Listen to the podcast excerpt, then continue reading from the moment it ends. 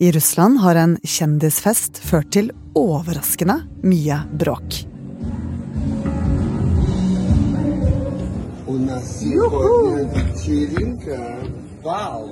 Under temafesten Nesten naken dukket influensere, TV-kjendiser og artister opp i bare truser, gjennomsiktige kjoler eller bare en sokk. Bildene fra festen har sjokkert mange russere. Men det som skjedde etterpå, forteller mye om hvordan Putin endrer Russland. Du hører på Forklart fra Aftenposten, en podkast der vi tar for oss én nyhet i hver episode. I dag om Russlands nye retning. Det er onsdag 24. januar, og jeg heter Synne Søhol. De siste ukene har en erotisk kjendisfest vært den store snakkisen i Russland. Og reaksjonen på denne festen den har vært svært overraskende. Ikke minst for deltakerne selv. Per Christian Aale er Moskva-korrespondent for Aftenposten. Og på den erotiske kjendisfesten han snakker om, så handlet det om å la de fleste klærne bli hjemme. Og kvinnen bak arrangementet er en av Russlands aller mest kjente influensere. Det var bloggeren Nastja Ivlejeva. Hun er 32 år gammel, og hun er en influenser. Eh, og hun har også vært med på russiske reality-programmer på TV, og har over 18 millioner følgere på Instagram. Det er jo helt enormt. Og det til tross for at Instagram faktisk er forbudt i Russland. Men hun har eh, likevel eh, fortsatt på Instagram, reklamerer for alt mulig rart, og har tjent seg søkkrik på å være i rampelyset. Eh, hun er vakker og som regel lettkledd, og reklamerer for de store selskapene. Blant annet så har hun en stor kontrakt med Russlands største mobilselskap. Uh, what are you watching? It's so crazy, amazing! Yeah, uh, yeah, I'm so excited! Yeah. Hun inviterte Russlands eh, A-kjendiser på en eh, fest på en nattklubb i Moskva rett før jul, og temaet var Nesten naken. Og hver billett kostet 130 000 kroner, kan du tenke deg. Og likevel så sto kjendisen i kø for å være med, og bloggeren selv, hun hadde på seg et kjede rundt livet med edelsteiner som hang ned over rumpa, og verdien på det kjedet skal ha vært over tre millioner kroner. У нас не так много селек. А, вот, поэтому это не может быть там тысячи человек на помещение, а помещение, Dette var festen ingen russiske kjendiser ville gå glipp av. Vertinnen selv stilte i svart blondeundertøy og høyhælte sko, et ganske normalt antrekk i dette rommet. For på bilder og videoer som ble delt underveis, ser man gjennomsiktige stoffer, mye lår, mye pupper. Men så kom en kjent rapper inn døra som tok antrekket til et helt nytt nivå. Det eneste han hadde tatt på seg, var en sokk tredd på sine edlere deler. Rapperen eh, Vakio han kom kun iført en sokk, sentralt plassert, og en svart skulderveske. Og det vakte jo stor oppsikt. Og eh, på ryggen så hadde han skrevet med store bokstaver 'De stygge kjemper mot skjønnheten'. Og det med kun eh, en sokk eh, som bekledning, det er det kanskje noen av lytterne som husker at Red Hot Chili Peppers, den amerikanske gruppen, gjorde for noen år siden.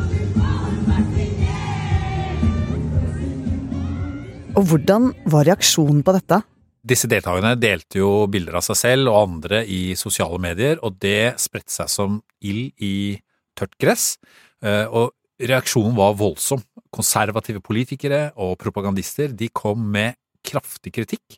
Altså, hvordan kunne disse kjendisene holde på slik mens russiske soldater dør ved fronten, mente de, og de krevde at politiet skulle begynne å etterforske festen og deltakerne мерзкие, блевотные садомиты. Putin selv, da? Hvordan reagerte han? Altså, Mye tyder på at Putin reagerte kraftig selv. Altså, Denne uken så roste han de heroiske soldatene som kjemper for Russland, som han sa, mens andre hopper rundt uten bukser på en slags fest. Putin selv er jo blitt stadig mer konservativ og religiøs. Han har flere ganger sagt at Russland kjemper Ukraina for konservative idealer og mot det han mener er Vestens dekadente og liberale verdier. Kjendisene blir straffet nådeløst. Rapperen med sokken ble først dømt til 25 dager i fengsel for usømmelig opptreden og homofil propaganda. Og nå risikerer han å bli sendt ut i krigen i Ukraina.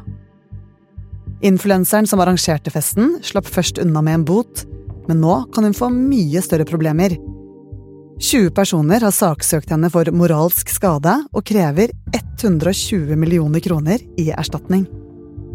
I tillegg kan også hun få fengselsstraff. Bak det søksmålet så står en dame fra en patriotisk og religiøs organisasjon, og hun vil ha erstatning fordi bilder fra festen har påført henne moralsk og fysisk lidelse, og hun mener at dette har gitt henne følelse av håpløshet og frykt for Russlands fremtid, og derfor vil hun altså ha en erstatning på 120 millioner kroner. Først gjorde influenservertinnen narr av den kritikken hun fikk. Men så sank alvoret inn.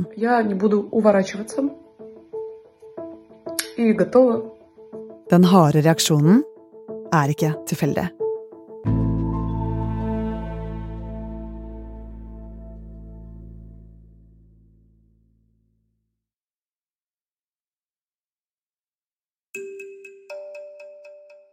Som følge av nakenfesten har annonsører droppet reklameavtaler, og mange konserter og TV-avtaler blir avlyst.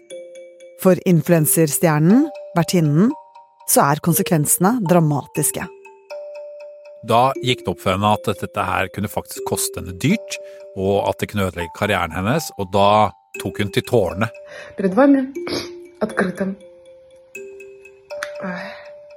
Всем спасибо. Plutselig begynte hun å gråte, og hun la ut to videoer i sosiale medier der hun unnskylder seg mens hun gråter. Og som hun sa, de sier at Russland kan tilgi. Hvis det er slik, ber jeg dere, folket, om en ny sjanse.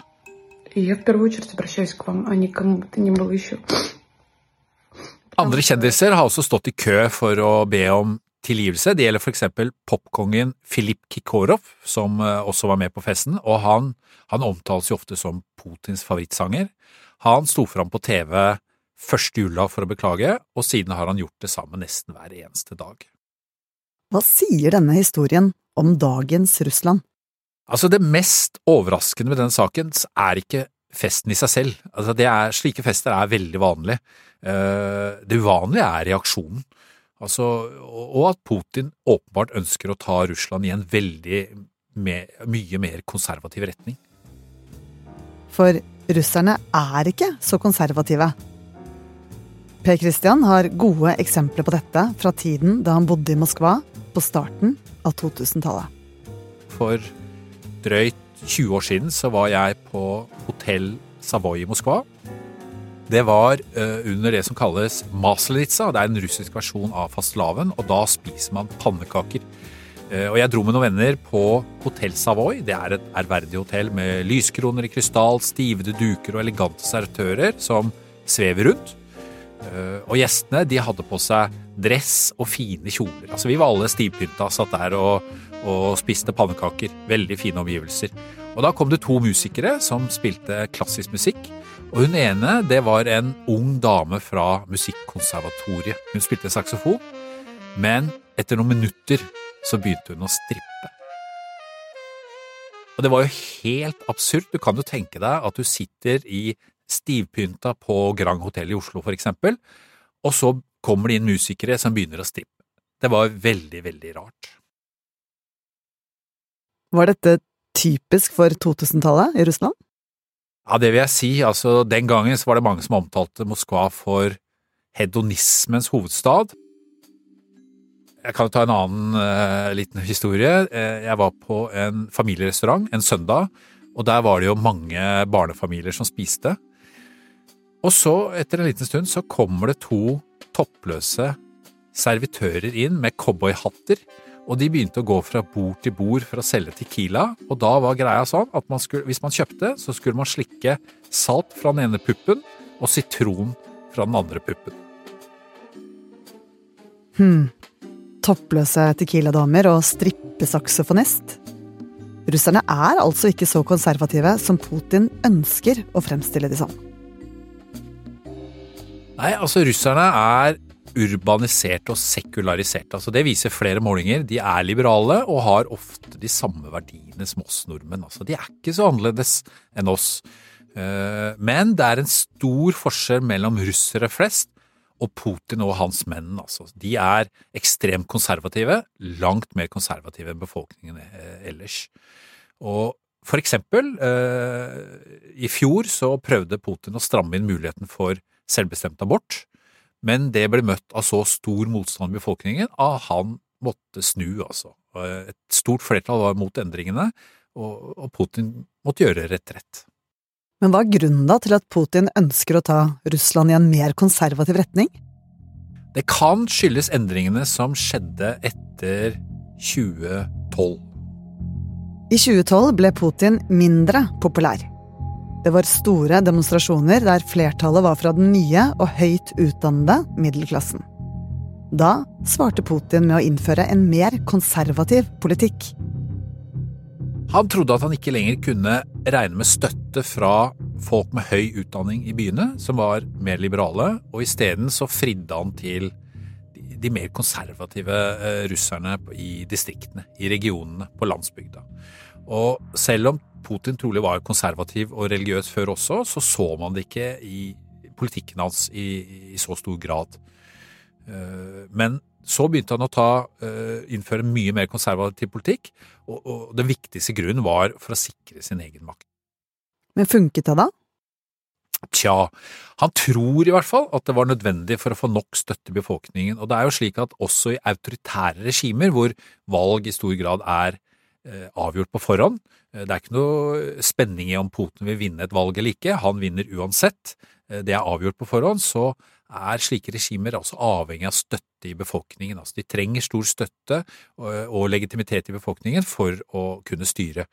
Eh, men han innførte også en mer undertrykkende politikk, og skritt for skritt så har han jo knust den liberale opposisjonen og alle liberale kritikere.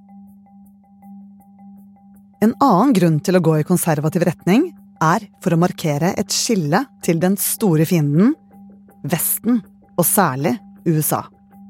Putin han snakker jevnlig om hvordan vestlige liberale verdier er en trussel mot de russiske tradisjonelle og konservative verdiene.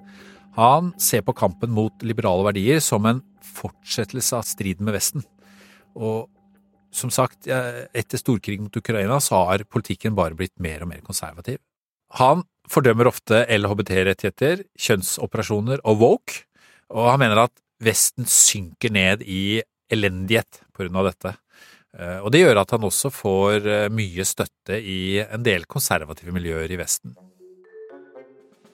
Men synet på Vesten og nesten nakenfesten stikker ikke så dypt i den russiske eliten. For de elsker å oppholde seg i vestlige land. Mange av disse kritikerne er jo svært opportunistiske. De er plutselig blitt nykonservative fordi de tjener på det. Altså, de vil smiske med Putin. Eh, og en av de kraftigste kritikerne av denne festen, det var propagandisten Vladimir Salavjov. Nå snakker han hele tiden om hvor ille det er i Vesten, at man kan ta skade av å være der pga. disse dekadente verdiene. I fjor så var jeg ved Kommersjøen i Italia, og da gikk jeg forbi palasset hans som ligger helt nede ved sjøkanten. Altså Det kostet en halv milliard kroner, og det skal han da liksom ha kjøpt eh, ved hjelp av sin journalistlønn. Eh, men så har han også blitt sint da fordi italienske myndigheter har beslaglagt dette etter storkrigen mot eh, Ukraina. Og andre i den russiske eliten de har jo gjerne hatt barna sine på de beste skolene og universitetene i Vesten, familien deres har bodd i palasser i Frankrike eller Spania, mens elskerinnene deres er blitt innlosjert i luksusleiligheter i London eller Paris. Så Europa har jo vært en stor feriedestinasjon for eliten i Russland, og lettkledde fester har jo tidligere vært helt vanlig. Hvorfor slår Putin så hardt ned på dette nå? Eksperter de mener at det også var en avledningsmanøver. Altså titusenvis av russere er blitt drept i krigen mot Ukraina. De økonomiske problemene øker, inflasjonen går i taket. For eksempel så sliter Putin nå med en eggkrise, fordi prisen på egg har økt så voldsomt. Og disse kjendisene de tenker nok neppe så mye på det, men vanlige russere det, de rammes hardt av det her. Og da er det jo bedre å få russeren til å snakke om en nakenfest. Øh, og vanlige russere de har jo ikke akkurat sympati med disse søkkrike kjendisene som gjerne betaler 130 000 kroner inngangsbillett for å feste.